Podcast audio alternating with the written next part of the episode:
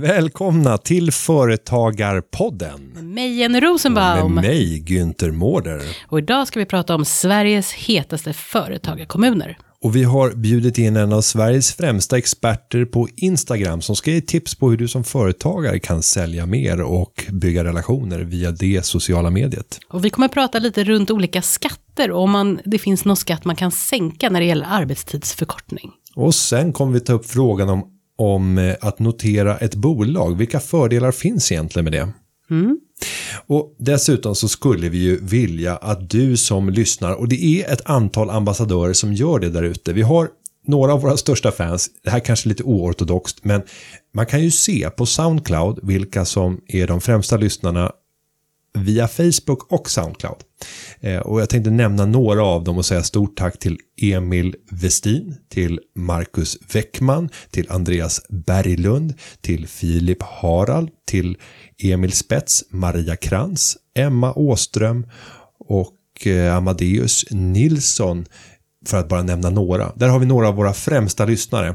Sprid gärna Företagarpodden till alla era forum ni har där ute så att fler lyssnar. Gör som Emil Westin och lyssna på 85 avsnitt under senaste månaden. Han måste älska podden, men jag tror, vad som, jag tror jag vet vad som ligger bakom. Jag tror att Emil går och lägger sig med, Med podden. med Företagarpodden och att han trycker på play på Soundcloud och så bara fortsätter varje avsnitt att spelas. Och varje gång när han vaknar till så hör han Jennys ljuvliga stämma. Ja, godnatt, godnatt, sov så gott. Och som ni vet så är Företagarpodden inte nersudlad eller besudlad av äcklig marknadsföring och reklam. Eh, utan Inte ännu. Inte, inte ännu, men passa er I noga. en stad nära dig. Så vi vill ge en, eh, ett, ett råd till alla er som lyssnar. För att ni ska slippa det i framtiden så önskar vi att ni delar ett inlägg, skicka ut i era kanaler och berätta om att ni lyssnar på Företagarpodden om ni gillar oss. Annars, gör det inte. Eller gör det ändå. Eller gör det ändå. Och prenumerera, gör det. Prenumerera på iTunes och på Soundcloud direkt. Med det Jenny så säger vi nu, Nu kör vi. Företagarna. Du Günther, jag har tänkt på en sak. Du är ju ute och reser väldigt mycket. Eh, Ja. Jag hörde av en kollega till mig att du var i Borlänge igår, stämmer det? Stämmer mycket väl. Jag försöker resa två, tre gånger i veckan och vara ute i landet och möta företagare och medlemmar. I Borlänge igår så gjorde jag faktiskt en Facebook livesändning. Och det försöker jag göra minst en gång i veckan. Antingen Facebook live eller Periscope eller YouTube. Och vad handlade den om igår? Igår handlar den om hur man får råd att göra misstag. Och, och, och anledningen till att jag satte rubriken på det sättet handlar om att för att lyckas så måste man våga misslyckas. För att våga misslyckas så måste man ha de ekonomiska förutsättningarna för att klara av ett misslyckande. Så att du ökar sannolikheten att lyckas genom att faktiskt kasta dig ut och ta risk. Spridningen i utfall kommer bli stor. Så vill man ha reda på mer om hur jag resonerar kring de frågorna så kan man gå in på min privata profil. Jag kommer växla både företagarnas profil ibland och min egen ibland. Men går man in på Günther Mårder och följer så kan man se alla de här sändningarna. Men du, okej, ja det är jättebra, det ska jag gå, gå in och kolla på. Varsågod. Mm, tack. Ska jag ligga och, och kolla på ikväll. Ligga och mysa. Ja, exakt. Ta fram en kopp te och mysa till dig. Mm. Men du, eh, jag tänker om du har varit i, eh, du har varit i väldigt många städer i Sverige. Ja, Jag har varit eh, när, närmast Sätter överallt. Har du det? Sätter du så här en liten, ett litet kna, en liten röd knappnål? Jajamensan, det gör jag. Och vi, Ja, vi kan gå förbi och titta på Gärna. den. Jag, nu har jag bytt eftersom vi sitter i en aktivitetsbaserad sittning. Det gör vi och det ska vi prata om senare. Ja, eh, så har jag inte tagit med mig min tavla från mitt gamla vd-rum, Mm. the panic room. Ja, exakt. Där man stängde in sig som vd för Och att slippa se skrek och medarbetarna. slå, sl- så slet sig i håret Separat. och sen bara vänta, det var inte så tysta, de här glasdörrarna, man hörde allting utåt, vad Ja, jobbigt det blev. Mm. separat ingång så man ska slippa möta e egen trappuppgång. Ja, En fallucka. Oh, det är Fallucka man öppnar och bara faller ner. Så jag har flyttat därifrån och flyttat ut bland, eh, bland de anställda. Eh, och där hade jag en tavla. Där jag gjorde det, precis det här. Mm. Och eh, den kan vi gå och titta på tillsammans efter att vi har spelat in det här avsnittet. Jag tänkte eventuellt att vi ska flytta över den till det öppna landskapet så alla kan få se. Jag trodde du skulle säga att du skulle bjuda mig på middag här efter. Nej, nej, nej, inte Nej, alls. nej, inte nej, alls. nej, nej, du, du hör så mycket konstiga saker. Ja. Eh, jo, det, det jag ville komma till det är att om du tänker dig att du har varit, eller du tänker dig, du har ju varit eh, runt i, du säger överallt, men okej, om du jämför, en definition, ja, ja, jag förstår. Om du jämför olika, antingen regioner eller städer, välj själv.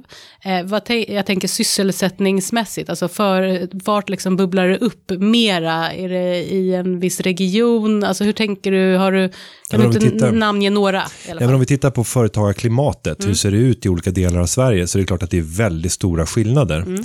Eh, Sverige är ett avlångt land, vi är extremt stort land Mm. om vi jämför med många andra länder i Europa. Och just den här längden på landet gör ju att förutsättningarna skiljer sig åt från liksom den råvarubaserade basindustrin uppe i norr Mm. över till en ganska rik jordbrukskultur i södra Sverige Mm. och allt däremellan. Så det är klart att det är väldigt stora skillnader bara i förutsättningar. Sen har du dessutom de politiska dimensionerna. Och när det gäller inte minst, alltså vi kan prata politiskt styre, men det är inte det viktigaste skulle jag säga. Det har en stor bäring på företagarklimatet, absolut. Men sen handlar det också om ledarskapet av de kommunala tjänstemännen och inställningen till företagandet. Sen handlar det också om de enskilda individerna som bor på platsen. Och finns det en, en drive hos de här människorna, finns det en glöd att vilja driva förändring. Och där, man, man märker skillnad i olika delar av Sverige.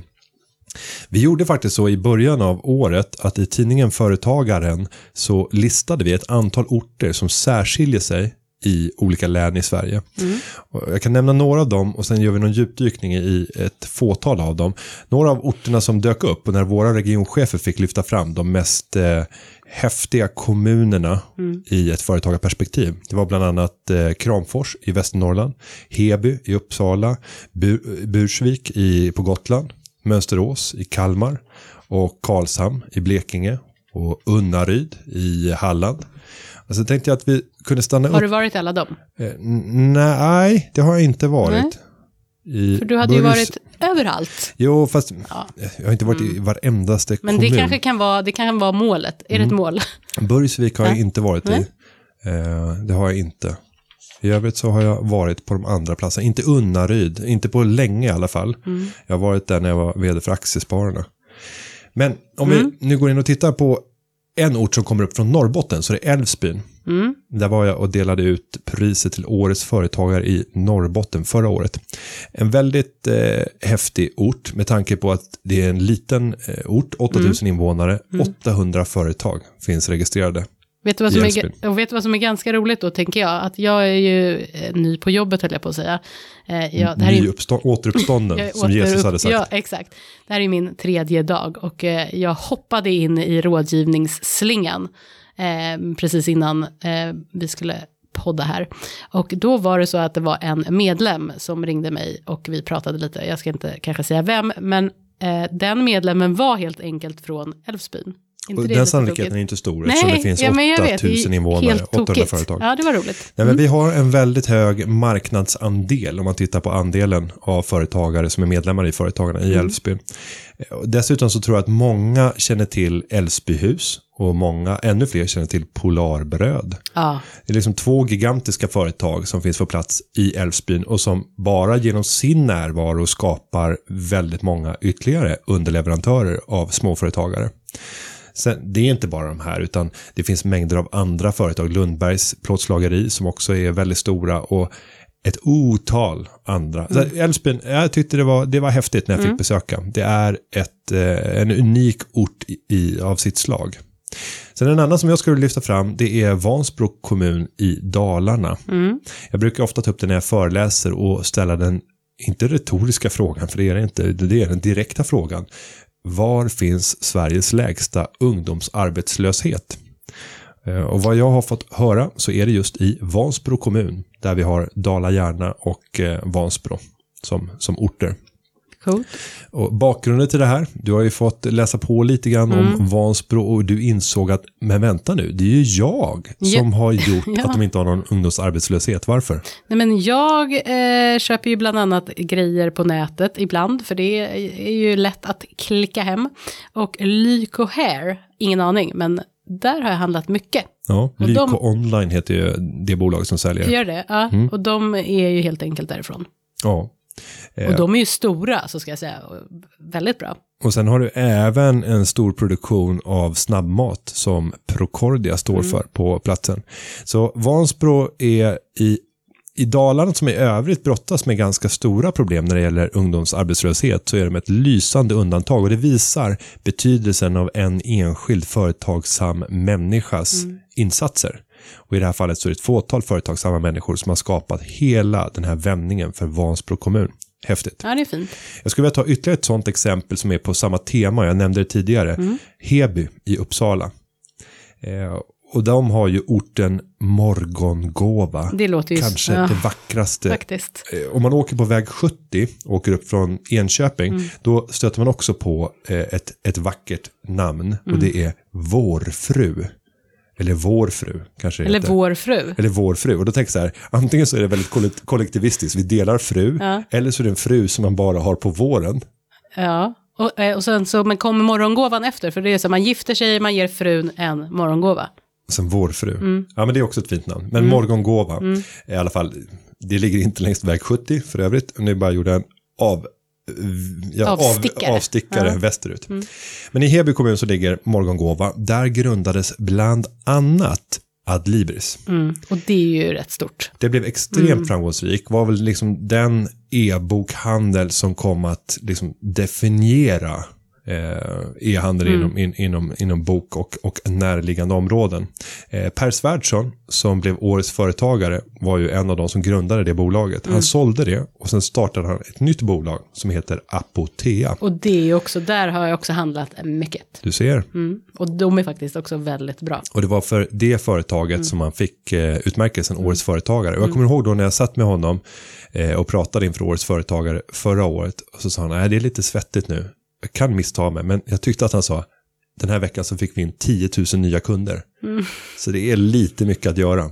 Och det här visar att liksom digitaliseringen gör det möjligt även för små orter som annars hade levt en tynande tillvaro att faktiskt med hjälp av en företagsam människa som bestämmer sig för att satsa tillsammans med lite kapital från, från eh, intressenter som kan tänka sig stötta kan bygga fantastiska verksamheter i orter som annars ingen hade vetat vad det var för någonting. Så det Ja, där är väl- internet är fantastiskt ibland. Ja, så det där är väl några av de orterna. Sen måste man väl nämna Gnosjö också i Småland. Men, men det känns ju så givet. Så att visst skiljer det sig åt mycket i Sverige. Så ge dig ut på din resa Jenny. Upptäck. Jag ska göra det. Upptäck landet. Det, det borde när- närmast vara en skattepliktig förmån för mig. Alltså att jag får upptäcka Sverige och möta så mycket härliga människor. Ja, faktiskt. I vilken ruta tar man upp det i deklarationen? Eh, jag ska ringa, till, skatte, jag ska ringa ja. till Skatteverket ring och fråga det. Vi spelar in det, det kommer vara ett roligt svar. Ja. ja. Eh, då, då ska vi ta oss vidare och vi har ett specialavsnitt nu som vi nämnde i inledningen där vi kommer att bjuda på insikter kring hur du som företagare kan använda sociala medier för att bli framgångsrik. Jag tror att många känner en viss stress över vad som händer med kundernas beteende. Man lägger allt mer tid på olika typer av sociala plattformar och där vill man ju som företagare tränga igenom med sina budskap. Hur ska man göra? Nu kommer vi få möta flera stycken experter och den här veckan så kommer vi få möta en expert som uttalar sig om hur man som företagare kan bli en vinnare med Instagram. Instagram. Han får presentera sig själv. Jag gjorde intervjun tidigare i veckan. Varsågoda. Då sitter jag här med Alfred Appelros som är specialist på digitala medier och digital kommunikation. Välkommen till Företagarpodden. Tack så mycket Günther. Eh, Du driver bolaget Get Social. Vill du berätta, vad är det ni hjälper era kunder med? Ja men absolut, ja men det är väl precis som du säger. Eh, vi jobbar ju med digitala och sociala kanaler och marknads, jag brukar säga marknadsföring i allmänhet och sociala medier i synnerhet. Det är väl det som vi är experter på. Och nu kommer vi att få möta flera olika experter på sociala medier under återstoden av det här året. Där vi ska få bra tips på hur vi kan marknadsföra oss själva och vårt företag på, på nätet via digitala kanaler. Eh, Och du har ju ändå, du skulle kunna prata om alla de här, du kommer få ansvaret att prata om Instagram särskilt. Men jag tänkte ändå eftersom det här är första avsnittet där vi får möta en social media-expert, att du ska få blicka ut och titta lite mer på de stora trenderna. Vad är det som händer där ute när det gäller vår användning av sociala medier? Vad är det man kan säga rent generellt när det kommer till trenderna just nu? Ja, men om man någonstans eh, sticker upp eh, fingret och försöker känna vart vinden blåser så eh, är det ju åt det mer visuella hållet. Det är åt det lite mer, så att säga, användarproducerade, lite mer om man tänker sig Snapchat som en plattform som börjar komma mer och mer, det här lite skakiga, enkla, följa med behind the scenes. Vi vill gå tillbaka lite back to basic till det här enkla. Eh, Men innebär det att det, det, är professionellt producerade där man ser att allting är perfekt i form av bild eller videos eller, eller texter? Är det, är det passé? Nej, absolut inte. Eh, det är det inte. Men det fanns en tid i sociala medier då det tog upp majoriteten och absolut en stor, stor del av liksom allt innehåll som producerades. Nu har det helt plötsligt skapats en, eller en, en plats i sociala mediesvängen för det här, inte så professionellt. Det, eller ja, det, det, är kvalitet, men det är inte den här liksom finjusterade, redigerade innehållet. Eh, och det gör ju att relativt då så blir ju det här Eh, väldigt professionella, så att säga, eh, lite mindre då. Tar lite mindre plats. Men om vi går över till just Instagram. Eh, att prata i bilder och göra det som företagare, det är inte helt självklart enkelt. För de allra flesta så tror jag att det är väldigt svårt. Man tänkte redovisningsbyrån eller it-konsulten eller butiken som säljer mat eller tobaksshoppen eller ja, du förstår vad jag är ute efter, hantverkaren. Hur mycket spännande och bra content kan man göra på Instagram och är verkligen Instagram någonting för den här typen av företagare? Det, det, är det absolut. Och eh, som du säger, visst finns det utmaningar att hitta liksom bra innehåll eh, i och med att du måste vara visuell. Men jag skulle vilja påstå att det är många branscher och många företagare som kanske inte riktigt inser hur visuella de är. Av de exemplen du gav där så skulle jag tänka mig att IT-konsulten träffar extremt mycket människor om man är en egen företagare ute och säljer till exempel. Sitter man visst bara liksom framför datorn, då kan det bli svårt. Eh, men matbutiken då till exempel, ja men där finns ju så mycket färgglatt och bra och så man kan göra och så mycket man kan göra med mat till exempel. Så jag tror absolut att det finns en plats för alla företagare på Instagram. Men beroende lite på vad man har för verksamhet så kan man ju prioritera de olika sociala nätverken och har man svårt att hitta någonting visuellt så kommer ju inte Instagram högst upp. För du ska inte pressa fram en närvaro på Instagram bara för att, utan du måste ju faktiskt respektera plattformen.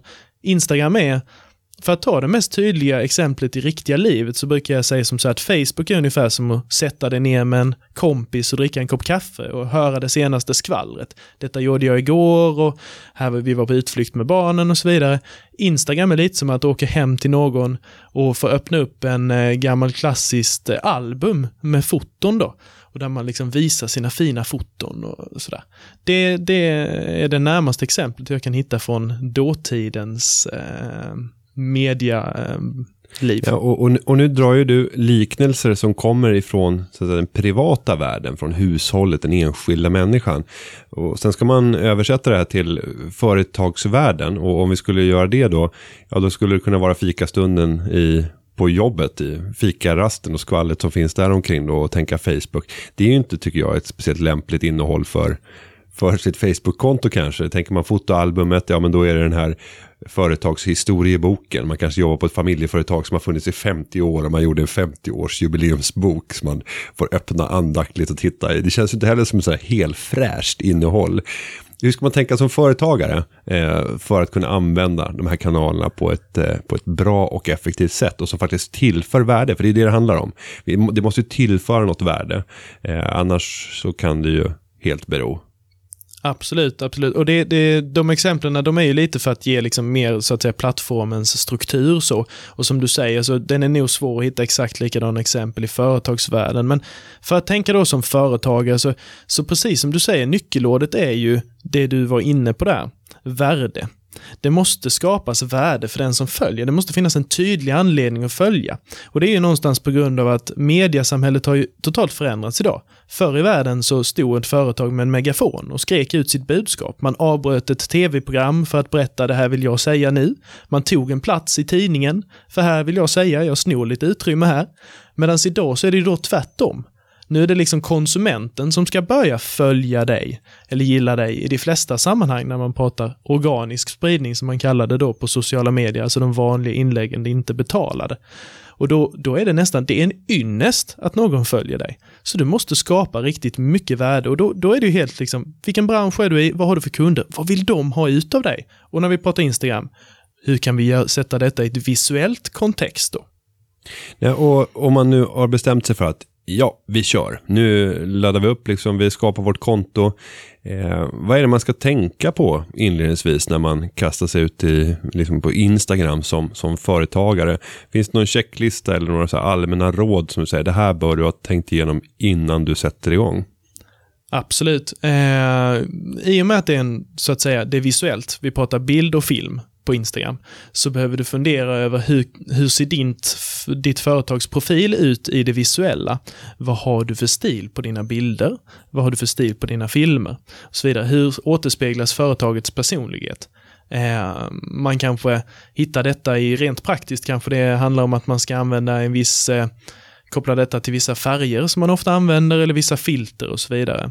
Man bör också titta lite på hur man ska använda hashtags till exempel. Hur skriver man sin liksom copy, alltså texten eh, kring inlägget då? Vad ska den innehålla? Eh, och så vidare. Och sen det absolut viktigaste är någonstans, vad har jag för mål med detta? För det måste ju leda till någonting till, för företaget, annars så är det ju eh, rätt så pointless. Och där bör man då hitta vilken väg ska man ha. Gör jag detta för att jag vill rekrytera nya medarbetare? Eller handlar det för, om att jag ska hitta nya kunder? Eller ja, vad är liksom mitt syfte med detta? Men låt oss säga nu att vi är färdiga. Vi har hittat vår målsättning. Det är att bygga nya relationer och stärka så säga, intresset och kännedomen om vårt, företag.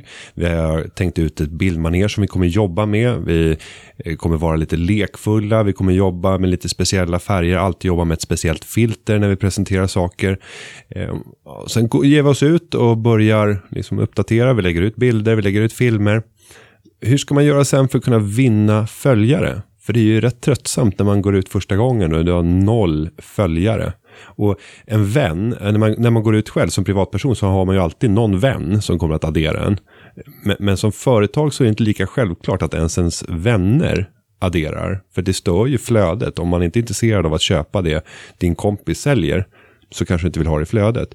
Hur, hur går man tillväga den här första tiden för att överhuvudtaget kunna nå ut och få de första följarna och sen få en tillväxt i det? Mm, ja, det är en jättebra fråga där, för jag skulle vilja säga att det finns tre stycken väldigt tydliga vägar där. För du måste ju helt plötsligt då driva in folk till ett konto som tidigare inte har funnits. Du måste upp, börja uppmärksamma dem på det. Och då är det viktigt, nummer ett, på själva plattformen Instagram, att jobba med hashtags. För det är liksom sättet man kan börja om man är intresserad av ett visst område. Säg att matbutiken då, den här matbutiken, de eh, är väldigt duktiga på eh, en viss form av produkter. De är väldigt duktiga på frukt och grönt. Då kanske det är hashtags inom det området då där man hittar liksom sin nisch kunder. Eh, vi kan också då prata övriga kanaler. Vilka kanaler äger jag idag? Har jag en hemsida? Har jag ett nyhetsbrev? Har jag en Facebook-sida till exempel? De, de ska man ju använda då för att driva över de redan befintliga följarna, även till Instagram. För eh, det är en grundläggande regel i marknadsföring att i så många sammanhang som möjligt så ska du synas då som företagare. Du ska påminna i olika kanaler när du ska nå en konsument. Och sen då det tredje är ju någonstans det betalda utrymmet. Kan jag betala någonstans för att få exponeras? Och exponera det här kontot för att få in följare. Och det kan man ju idag på Instagram till exempel. Men man kan även pusha för detta i andra kanaler, att man nu har ett Instagram-konto. Ja, det är en, en eh, ganska tuff match. Det är mycket att tänka på. Eh, men eh, en sak som jag skulle vilja stämma av innan, innan vi rundar av den här första delen. För Alfred kommer att komma tillbaka i ett antal avsnitt här framöver. Och vi ska avslöja strax vad du kommer att tala om då, vilka tips du kommer ge. Men som sista frågan nu. När det gäller hashtags så ser jag ju vissa som bara öser på. Alltså de kan komma med 30-40 hashtags, även som företagare då, eh, efter ett inlägg. v- vad är för och nackdelarna med att bara dunka på med alla tänkbara hashtags som man kan komma på? Mm. Eh, en, en tydlig nackdel är ju någonstans att man säger som så här, alla former av att driva in liksom nya följare på din kanal, det måste ju vara relevanta följare. Det måste vara följare som vill interagera med dig och som ger engagemang.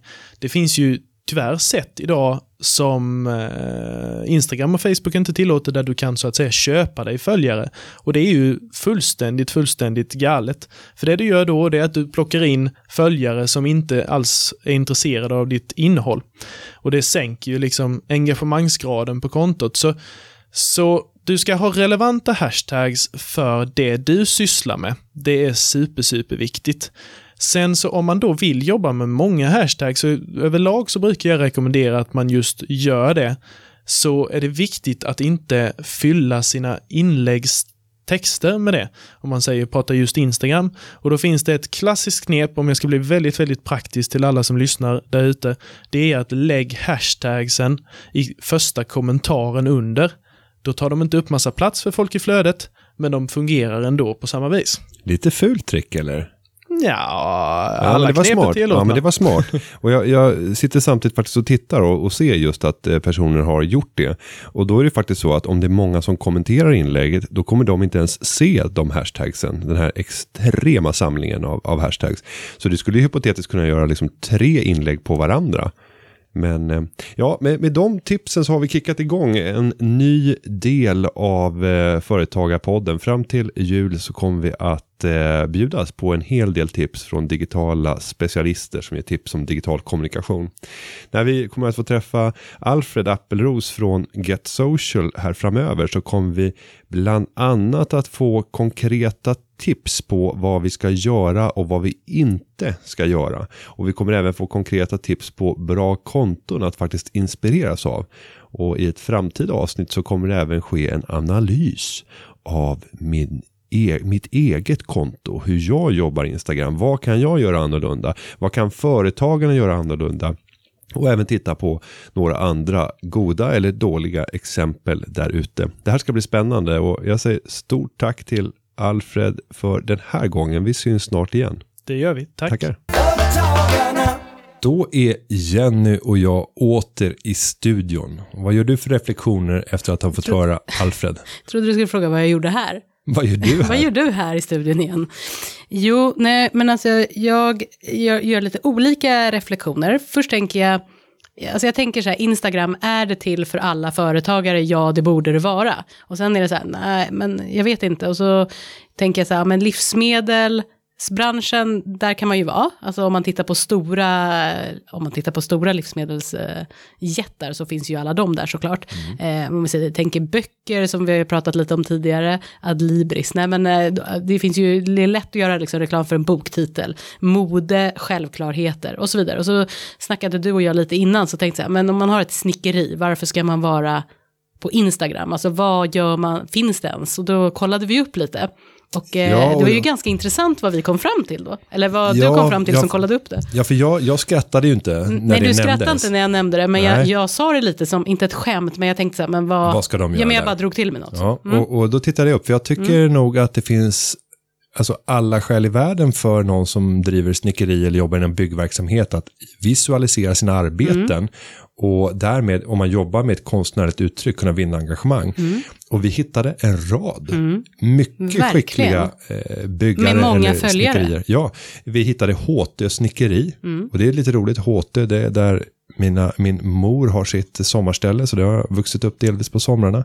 Vi hittade Wikström interiör och snickeri. Mm. Också väldigt skickliga, mycket följare. Vi hittade eh, Skogshult snickeri. Mm. Och även ett annat bolag med vars, vars vd jag gillar skarpt, Expandera Mera. Mm. Eh, som är ett bemanningsföretag inom, inom bygg.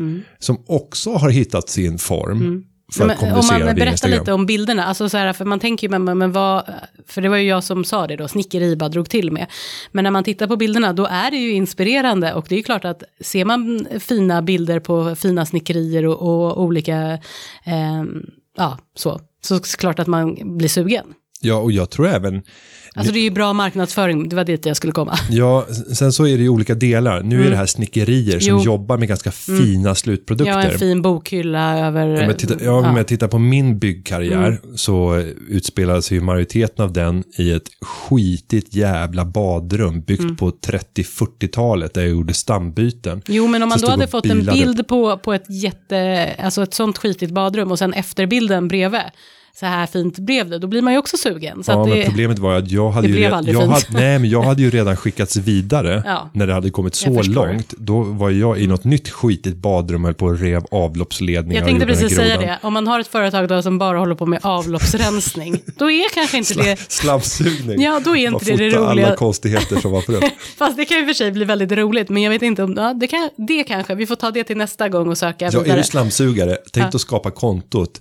Eh, vad hittade du på jobbet idag? Heter kontot. Alla, så här, allt från konstiga djur till eh, diverse. Och jag har ju även hjälpt till att eh, rensa servisledningar till eh, hus. Mm. Den stora avloppsledningen där det ibland då kan växa in rötter Mm. in i servisledningen. Och då sätter det stopp om det kommer saker som inte kan tränga igenom. Mm. Vet du vad man brukar hitta där?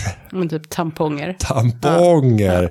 Ja, det är så vidrigt. Alltså ett medskick till alla, alla. Alla ni som använder sig er av tamponger. Släng inte tampongen i toan. Mm. Vad ni än gör. För du vet när det här fastnar, det blir bara tvärstopp. Och då kan du tänka, Men det kan man ju förstå, det är ju en plugg liksom. ja. Och sen så fick jag då gå in och såga det som en vajersåg. Ja. Så man går in så och så sågar man genom röret och sen så ska man försöka fånga upp då de här delarna i sågkakan som blir av gamla tampong. Oh, Mm. Ni skulle se nu, alltså eh, Günthers fingerspel när han sågar och när han drar ut tamponger är så Ja. vidrigt alltså. Jag blir så arg. Jag blir så arg när jag ser sånt. Ja, nej, men vi, eh, det jag ville komma till med den här var ju att liksom, jag drog bara till med någonting, men där hittade vi genast ganska mycket. Och jag tror att det är det som kan vara eh, fallet faktiskt med ganska många företag som man tänker så här, nej men vad ska jag göra där och så där. Men Instagram, why not? Försöker på och eh, kolla runt, det kanske finns liknande och så kan man få idéer och så vidare. Ja, Nej, men, och, Mm. och man kan ju till och med använda humorn som vapen för att Ja. förmedla sitt budskap på ett effektivt sätt. På Instagram är allt tillåtet, nästan. Ja. Ja. Då går vi vidare till en fråga vi har fått in från Gabriel i Göteborg. Och han har använt sig av formuläret på företagarpodden.se där man kan skriva in sina frågor. Man kan också dela med sig av frågor via Instagram, ja, hashtag företagarpodden, Twitter. Twitter, hashtag företagarpodden. Så skicka in era frågor, det är ni som styr innehållet i programmet. Gabriel säger så här. Hej Jenny och Günther. Mina två frågor handlar om arbetstidsförkortning med bibehållen lön. Vi lever allt längre och det innebär att vi måste jobba allt längre. 1. Om det skulle införas en 6 eller 7 timmars arbetsdag, vilka skatter hade ni velat sänka för att det inte skulle drabba företagen i allt större utsträckning? Ska vi börja där eller ska vi ta andra frågan direkt? Nej, men vi börjar med Ja, den frågan, för den är isolerad. Precis. Eh, arbetstidsförkortning. Eh, man kan väl börja med att arbetstidsförkortning skulle kunna ske genom lagstiftning. Det är väl det man pratar om i det här fallet. Eller som det är idag, genom kollektivavtal. Det finns ju arbetstidsförkortning i en mängd kollektivavtal redan idag. Men i det här fallet pratar vi om att det skulle då på något sätt lagstiftas och att man då skulle sänka någon skatt och vilken skatt det här skulle vara. Och Utifrån nyfikenhet, är det inte många kollektivavtal som redan idag har sju och en halv timmes arbetsdag? Jo, Det är väl väldigt vanligt? ja det är vanligt. Och det tycker du är redan är en förkortning i sig. Ja, eftersom Mm. man alltid pratar om åtta timmars arbetsdag. Så det, är inte, det, det har ju redan, det förekommer även i hög utsträckning. Mm. Ja, jo, men det gör det. Men det här är då eh, kanske sex timmar, eller vad vi nu ska eh, säga. Jo, man kan också, tänker jag, vända på frågan, att man inte pratar om vilken skatt man kan sänka, utan att man liksom tar diskussionen om vilka kostnader det här medför för företaget. Ja, och, För det är ju så, alltså det jag tänker är att det är ju så att om man ska jobba sex timmar istället för om vi nu säger åtta, då är det ju faktiskt, alltså det blir en större kostnad för företaget. om, får jag resonera lite nationalekonomiskt i det perspektivet? Klart att du får. Och då kan man säga att allting hänger ju på hur effektiva vi är. Och då pratar man om produktivitet, hur mycket levererar vi per timme.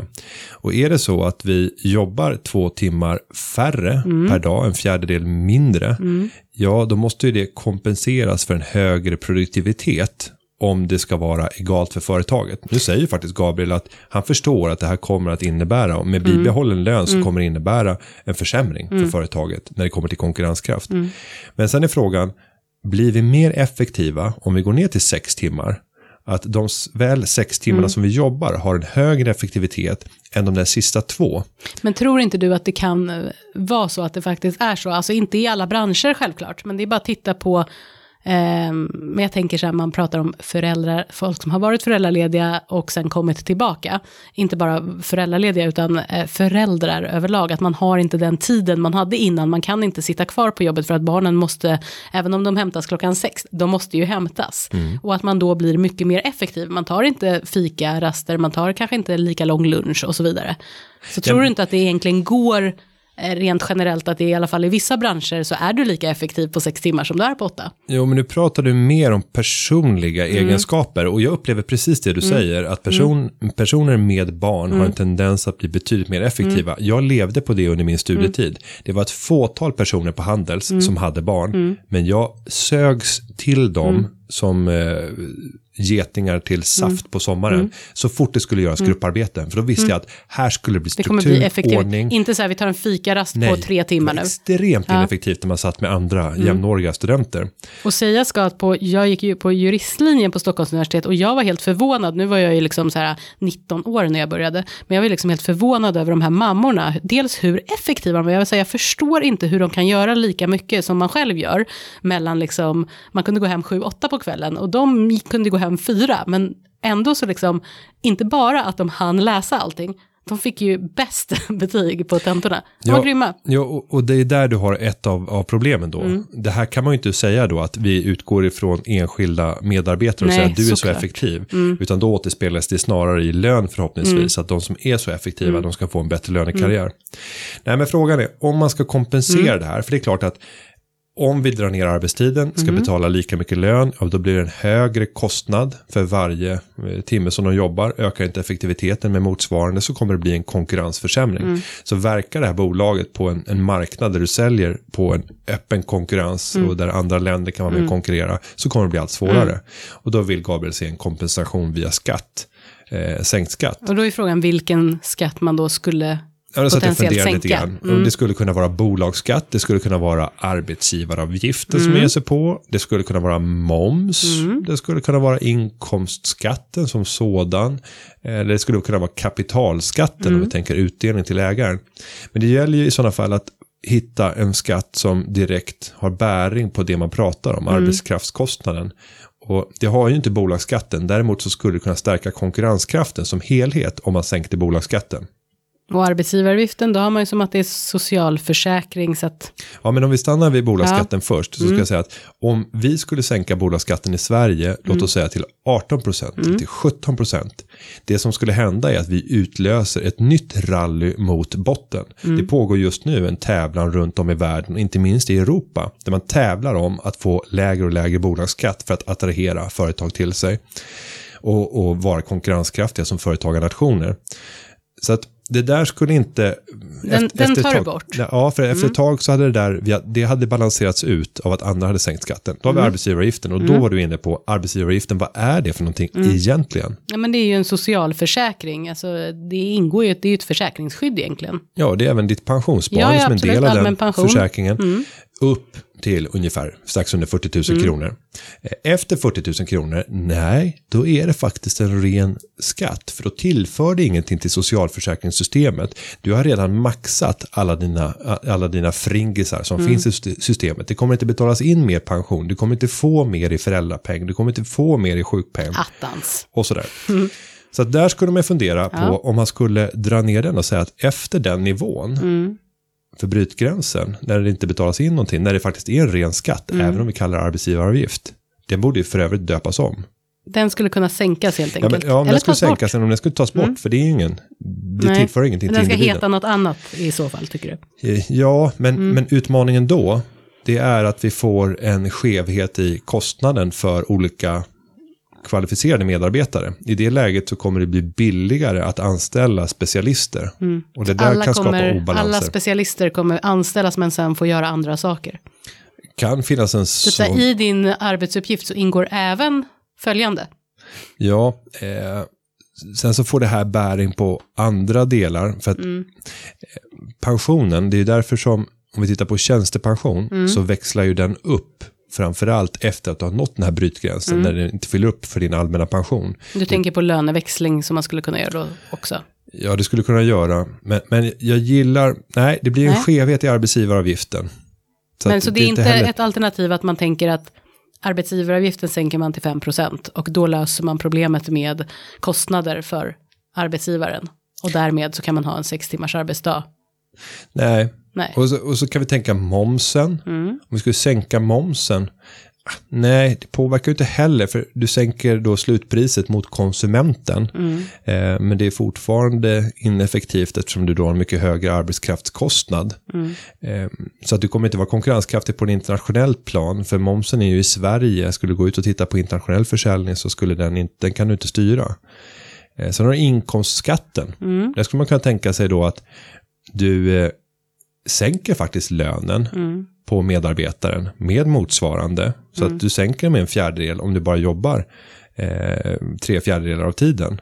Men att du kompenserar genom att du ger en eh, lägre inkomstskatt. Så i lönekuvertet så blir det faktiskt lika mycket pengar över.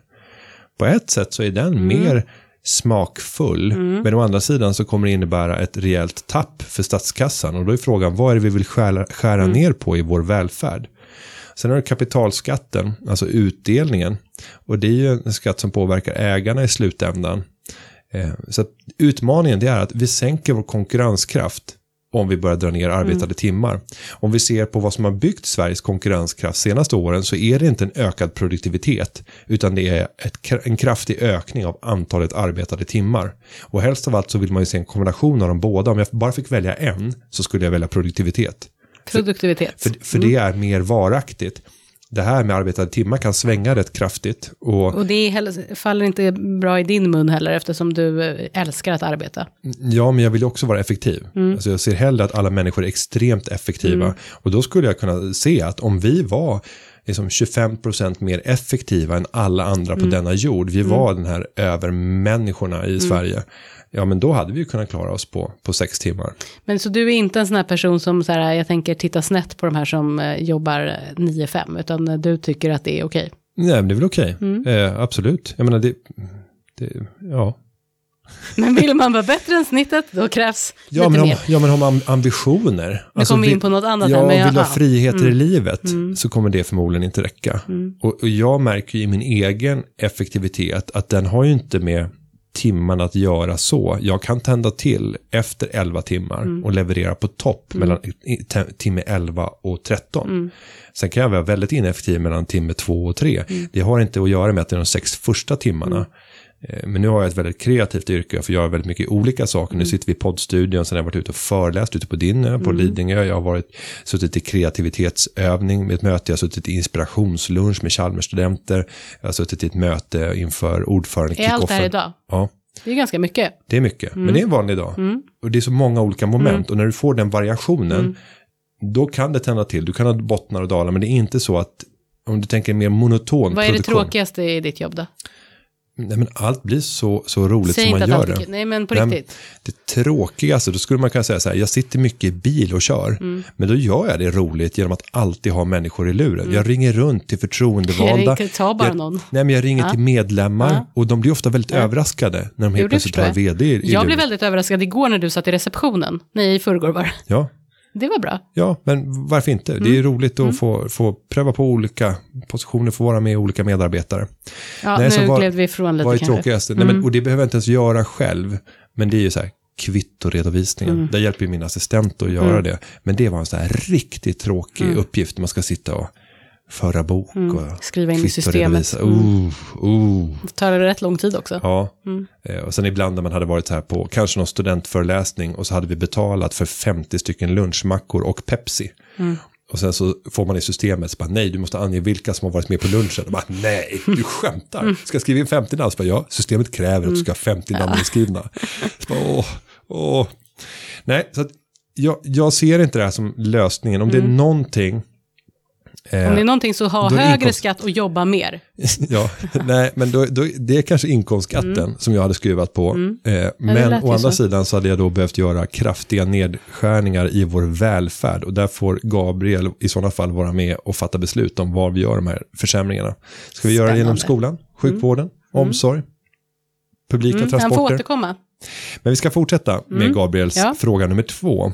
Hur många år skulle det ta att komma ner till 30 timmars vecka om arbetstagarna bytte ut den årliga löneökningen mot arbetstidsförkortning? Tycker att detta är ett intressant ämne och hoppas att ni tar upp det i podden. Tack för en bra podd. Tack själv för frågan. Tack för att Günther sitter här och kunde göra världens räknesnurra på ett väldigt fint och smidigt sätt. Ja, nej, jag gick in i Excel eh, och gjorde en, väldigt enkel räknesnurra i det här läget. Och då måste man först bestämma sig för hur hög kommer en genomsnittlig löneökning vara. Och då måste vi faktiskt ta hänsyn till inflation. Eh, Så att vi tittar reallöneökning. Och egentligen så skulle jag vilja ta en diskussion kopplat till produktivitet även här. För att om vi arbetar lika många timmar, ja men då måste produktiviteten stiga lika snabbt som reallöneökningarna för att det ska vara försvarbart i ett konkurrensperspektiv på en global basis. Men om jag säger att det är en och en halv procent per år, där har vi inte stämma. alls, ja men där har vi inte alls legat i produ- produktivitetsökning de senaste tio åren. Eh, och särskilt inte inom produkt, produktproducerande sektorn. Däremot tjänsteproducerande sektorn har ökat produktiviteten. Men om vi hade en och en halv procent i reallöneökningar per år och växlade över det till, till eh, arbetstidsförkortning så skulle det ta 19 år. Det är ett tag. 19 år av löneökningar avsäger man, då hade man kunnat då gå ner till 80 procent. Eh, eller i det här fallet då 75 procent till och med. Om vi däremot räknar med en reallöneökning på 1 procent så tar det 28 år. Och då är ju nästan karriären över med tanke på att många gör sin arbetsmarknadsentré så sent som liksom 29 år är inte ovanligt för, för många akademiker. Eh, och lägg på 28 år på det så är det, det är dags för pension snart. Då var det dags att gå hem. Ja, snart dags för graven. 100% ledigt. Varsågod. Nej, Nej så det, det var ett konkret svar. Ja. Det var det faktiskt. Nej, men han får ju återkomma helt enkelt med lite, lite reflektioner känner jag. Ja, och eh, det här är ju en het politisk fråga när det gäller arbetstidsförkortning. Mm. Eh, och det finns många förespråkare som lägger fram eh, liksom glada forskningsrapporter som talar för dess fördel, ska vi också lägga till. Mm. Jo, eftersom kan- det här är ett opartiskt program.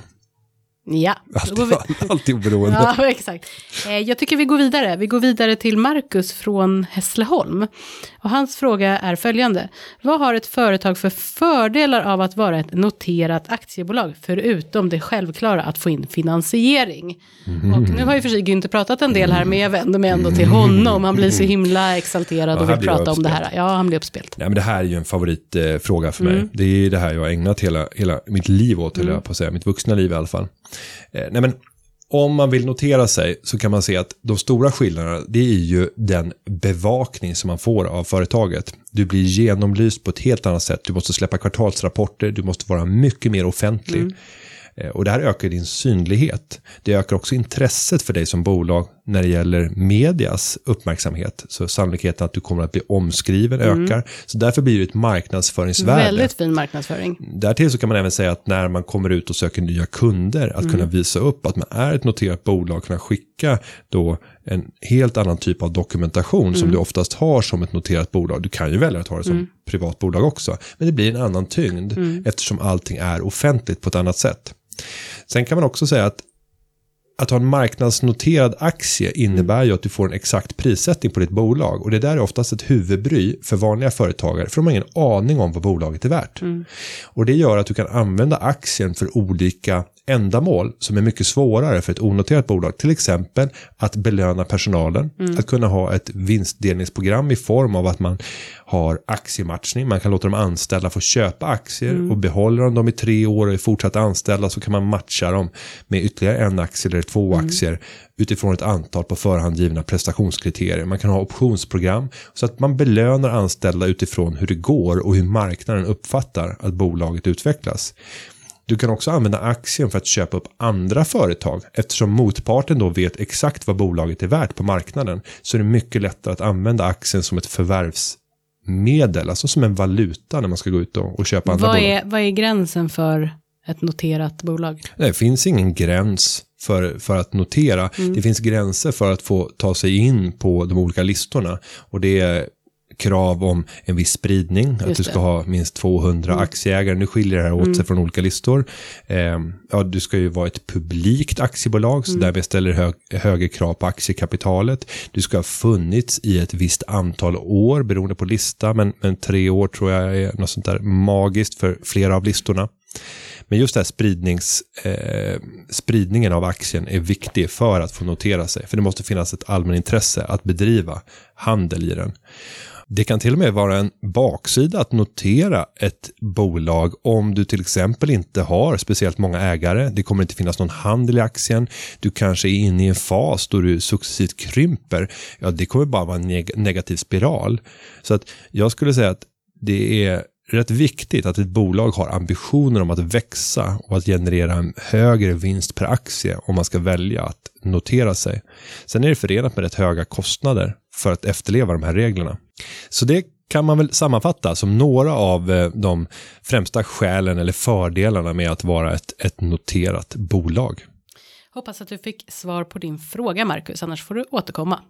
Och med det så ska vi knyta ihop säcken för det här avsnittet och tipsa om nästa avsnitt då Alfred Appelros kommer att återvända och berätta ännu mer om Instagram. Och vad kommer han tipsa oss om då? Ja, men han kommer avslöja sitt bästa analysprogram för Instagram och kommer vara lite dos and don'ts på Instagram. Vad gör man och vad får man inte göra? Och lite tips på konkreta verktyg för hashtags. Det tycker jag är bra. Hur använder man hashtags?